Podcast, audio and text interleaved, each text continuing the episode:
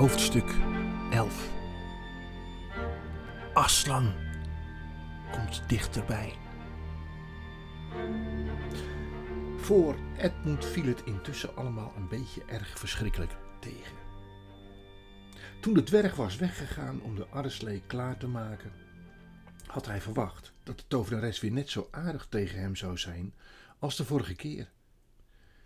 Maar ze zei geen woord, niets. En toen Edmund tenslotte al zijn moed bij elkaar had geraapt en zei: Majesteit, eh, zou ik alstublieft wat marsepein mogen? U had, ik bedoel, u had. Zwijg! Sukkel! Het leek alsof ze van gedachten veranderde en zei half tegen zichzelf: Ah, aan de andere kant, we kunnen ook niet gebruiken dat dat joch flauw valt van de honger.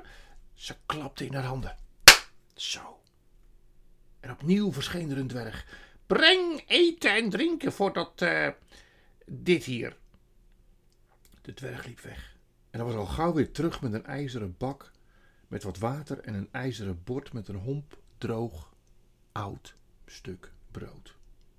En op zijn gezicht verscheen een lelijke grijns toen hij bij Edmund kwam en het op de grond neerzette. Marsepein voor ons kleine prinsje. Doe dat weg! Ik, ik lus geen droog brood. Maar op dat moment draaide de tovenares zich met een ruk naar hem toe. En zo'n dreigende blik had ze in haar ogen dat hij zich meteen verontschuldigde en op het stuk brood begon te kauwen. Hij kreeg het bijna niet weg. Je zou nog wel eens heel erg kunnen verlangen naar dit stuk eten. Want je voorlopig krijg je niks meer. Terwijl hij nog druk aan het kauwen was, kwam de eerste dwerg weer binnen en deelde mee dat de arreslee klaar stond en de witte tovenares stond op en liep de deur uit. Edmund moest meekomen. En toen ze op het binnenplein kwamen, sneeuwde het weer, maar daar schonk zij geen aandacht aan en dwong Edmund met haar in de slee te gaan zitten. Maar voordat ze wegreden, riep ze eerst Maugrim. En als een reusachtige hond kwam hij bij de slee staan. Zoek je snelste wolf uit en ga onmiddellijk met hem naar het huis van de bevers en dood iedereen die je daar vinden kunt. En als ze al weg zijn, ren dan als er weer ligt naar de stenen tafels. Maar eh, zorg dat niemand jullie ziet. Verstop je daar zo lang totdat ik er ben. Zelf moet ik eerst nog een paar kilometer naar het westen rijden om met mijn slee de rivier over te kunnen. Misschien kun je die mensen nog inhalen voordat ze bij de stenen tafel zijn. Dan weten jullie wat er doen staat, als je ze mocht vinden. Uw wens is mijn bevel, o koningin, grauwde de wolf. En meteen schoonde hij er als een pijl uit de boog weg, de sneeuw en de duisternis in. En een paar tellen later had hij al een van zijn wolven opgehaald en in een paar minuten liepen ze al snel op de dam van het huis van de bevers. Ze snuffelden, maar ze kregen al gauw in de gaten dat er niemand meer was. Voor de bevers en de kinderen zou het een ramp zijn geweest als het die avond niet opnieuw slecht weer was geworden, want dan hadden de wolven gewoon hun sporen kunnen zien. En tien tegen één hadden ze die dan al meteen ingehaald, nog maar net voordat ze vertrokken zouden zijn geweest.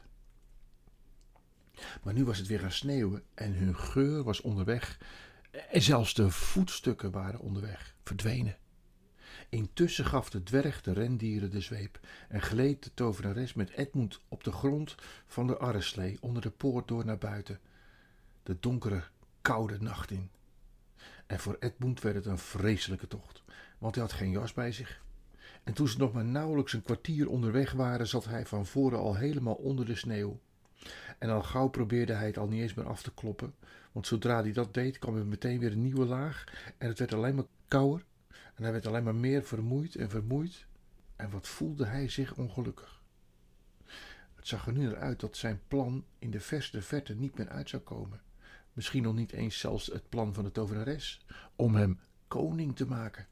En alles wat hij gezegd had om zichzelf te laten geloven dat ze zo goed en vriendelijk was. En dat zij degene was die aan de goede kant stond. Het klonk allemaal heel onnozel in zijn oren.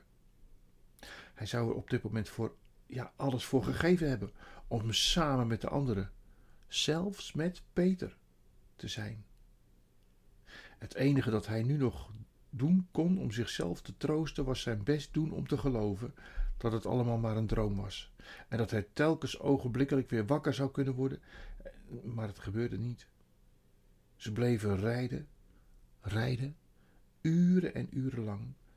En het begon steeds meer op een echte droom te lijken. Kijk, het duurde natuurlijk veel langer dan ik hier kan vertellen. Ook al zou ik er bladzijden vol over vertellen. Maar laat ik even beginnen met het moment dat het niet meer sneeuwde. Het was alweer ochtend geworden, het daglicht was er en nog steeds reden ze al maar door en door. En je hoorde niets anders dan het onafgebroken suizen van de sneeuw en het kraken van de tuigende rendieren. Maar toen ineens zei de tovenares eindelijk: Wat zullen we nou krijgen? Stop! En ze stopte. Wat hoopte Edmund dat ze iets over ambijt zou gaan zeggen? Maar ze stopte voor iets heel anders. Even verderop zat er onder een boom een groepje vrolijke dieren. Een eekhoorn met zijn vrouw en kinderen, twee saatiers, een dwerg en een oud mannetjesvos. Op krukjes, op rondom een tafel. Edmund kon niet goed zien wat ze aten, maar het rook er heerlijk. En het leek net alsof de tafel versierd was met takjes hulst. En hij wist wel zeker dat hij iets verdachts zag. Iets, iets met een kersttaart. En op het moment dat de slee stopte, was de vorst, die duidelijk de oudste van het gezelschap was, net opgestaan om met zijn glas omhoog iets belangrijks te gaan zeggen. Maar toen ze de slee in de ogen kregen en zagen dat hij stopte en wie erin zat, verdween alle vrolijkheid van hun gezicht. Vader Eekhoorn stopte met eten op het moment dat hij juist zijn vork in zijn mond wilde steken. En een van de saatiers bleef stokstijf zitten met een vork in zijn mond. En een jong eekhoorntje gilde van angst. Wat heeft dit te betekenen? Niemand, niemand mag dit doen. Wat is er aan de hand? Geen antwoord. Spreek op. Tuig. Of moet mijn dwerg jullie tong eerst losmaken met de zweep? Wat heeft dit te betekenen? Deze gulzigheid, deze verspilling, deze vreedpartij. Hoe kom je aan het eten? Neemt u ons niet, niet kwalijk, majesteit. Dat hebben we gekregen. En als ik zo vrij mag zijn, zou ik willen drinken op uw majesteit goede gezondheid. Van wie? Van wie hebben jullie het gekregen? De kerstman, hakkelde de vos. Wat? Tovenares sprong uit haar vel, sprong van de slee, liep een paar stappen op de doodsbange dieren toe. Die is hier helemaal niet geweest, die bestaat niet. Het kan niet, het kan niet geweest zijn. Hoe durf je? Maar nee, zeg dat je liegt. Ik zal het je alsnog vergeven. En op dat moment raakte een van de jonge eekhoorntjes helemaal de kluts kwijt. Echt waar, echt waar, echt waar, echt waar, echt waar. Hij kon niet anders uitzeggen. Hij sloeg met zijn lepel op de tafel en Edmund zag dat de tovenares zo hard op haar lip beet dat er een druppel bloed op haar witte gezicht verscheen. Toen stak ze de toverstaf omhoog. Nee, niet doen! Alsjeblieft niet doen! schreeuwde Edmund, maar op datzelfde moment draaide ze met haar staf en op slag stond er op de plek waar het vrolijke groepje had zitten eten alleen nog maar standbeelden. Een van hen met een stenen vork in zijn mond en om de tafel stenen borden, stenen kersttaart. En wat jou betreft, zei de tovenares en gaf Edmund een klap in zijn gezicht. Hij moest weer bij hem in de slee zitten. dat zal je leren om het op te nemen voor spionnen en verraders. Doorrijden! En voor het eerst in dit verhaal had Edmund meelijden met niemand anders dan zichzelf. Hij vond zichzelf zo heel erg verschrikkelijk zielig. En toch, nee, hij vond eigenlijk die stenen dieren nog zieliger als hij.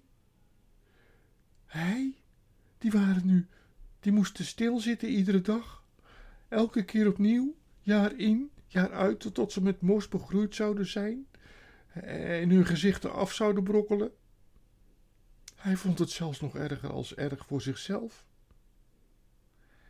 Maar veel tijd om na te denken had hij niet. Ze raasde weer onafgebroken voort, maar al gauw begon het Edmund op te vallen dat de sneeuw die langs de zijkanten van de slee omhoog spatte, nu veel natter was dan die nacht.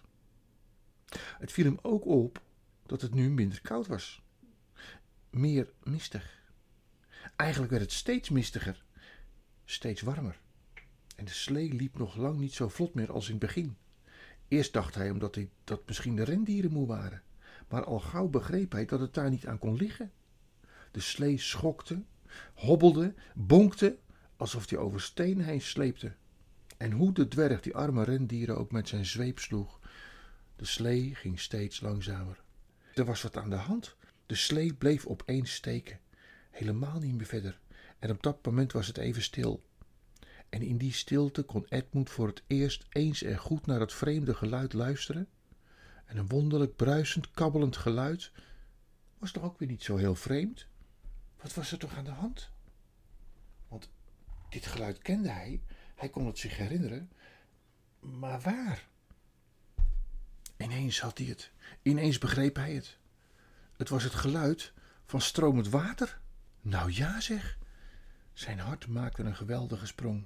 Van blijdschap zelfs, want hij wist niet waarom, maar ineens begreep hij dat het dooide. De boomtakken begonnen te druppelen. En, en, en het donkere groen van de spar. Zit daar niet zo stom te staren, idioot. Stappen jij en meehelpen? Edmund moest natuurlijk wel gehoorzamen. Hij stapte uit de slee, in de sneeuw, maar het was meer blubber dan sneeuw. En hij begon de dwerg te helpen de slee weer los te trekken uit een modderige kuil waar hij vast zat. En met veel moeite kregen ze hem eruit door de rendieren ruw te behandelen. En alles ging weer een beetje verder. Ze konden weer een stukje rijden, maar nu pas begon de sneeuw goed te smelten en aan alle kanten aan de plekken kwam groen gras tevoorschijn. Alleen als je wel eens net zo lang achter elkaar een besneeuwde wereld om je heen hebt gezien als Edmund, dan kun je je voorstellen wat een oplichting het was, die groene plekken te zien na al dat eindeloze wit. Toen bleef de slee opnieuw steken. Dit heeft geen zin, majesteit, zei de dwerg. Bij zo'n dooi kunnen wij niet in de sneeuw rijden. Dan moeten we maar lopen. Lopend halen we ze nooit meer in. Ze hebben al een hele grote voorsprong. Zeg, ben jij eigenlijk mijn raadsheer of mijn slaaf? zei de tovenares. Doe wat je gezegd wordt. Bind dat joch, dat ding daar, zijn hand op zijn rug. En zorg dat je het einde van dat touw vast hebt. En neem je zweep mee. Snij het tuig van de rendieren door, die kunnen de weg zelf wel terugvinden. De dwerg gehoorzaamde en even later was Edmund gedwongen om zo snel als hij kon te lopen met zijn handen vastgebonden op zijn rug. Telkens gleed hij in het natte sneeuw uit en de modder en over het natte gras en iedere keer als hij onderuit ging begon de dwerg te schelden en soms sloeg hij hem met de zweep. En de tovenares liep achter de dwerg voortdurend harder, harder, harder te roepen. De plekken groen begonnen steeds groter te worden. De plekken sneeuw steeds kleiner. Steeds meer bomen schudden hun sneeuwdekens van zich af en overal zag je meer de groene omtrekken dan de witte. Alles begon te ontdooien en toen veranderde de, nevel van wit in goud. En even later verdween de mist helemaal. Een heerlijk zonlicht viel in stralen op de bosgrond neer. En boven je hoofd kon je al gauw tussen de boomtopjes stukjes blauwe lucht zien. Al gauw gebeurden er nog meer fijne dingen. En toen ze een bocht omkwamen, liepen ze opeens over een open plek waar zilverberken stonden. En waar Edmund ook keek, overal in het rond was het met grond bezaaid met gele bloemetjes. Speenkruid. En het geruis van het water werd luider. En even later kwamen ze zelfs bij een beekje waar ze overheen moesten. En aan de overkant vonden ze bloeiende sneeuwklokjes. Uh, bemoei je met je eigen zaken, zei de dwerg toen hij zag dat Edmund zijn hoofd omdraaide om ernaar te kijken. En nijdig gaf hij een ruk aan het, aan het touw. Maar Edmund zag natuurlijk wel alles.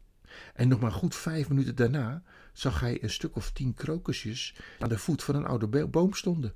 Goudgele, paarse, witte. En toen ook nog een geluid dat klonk nog heerlijker dan het ruisen van het water.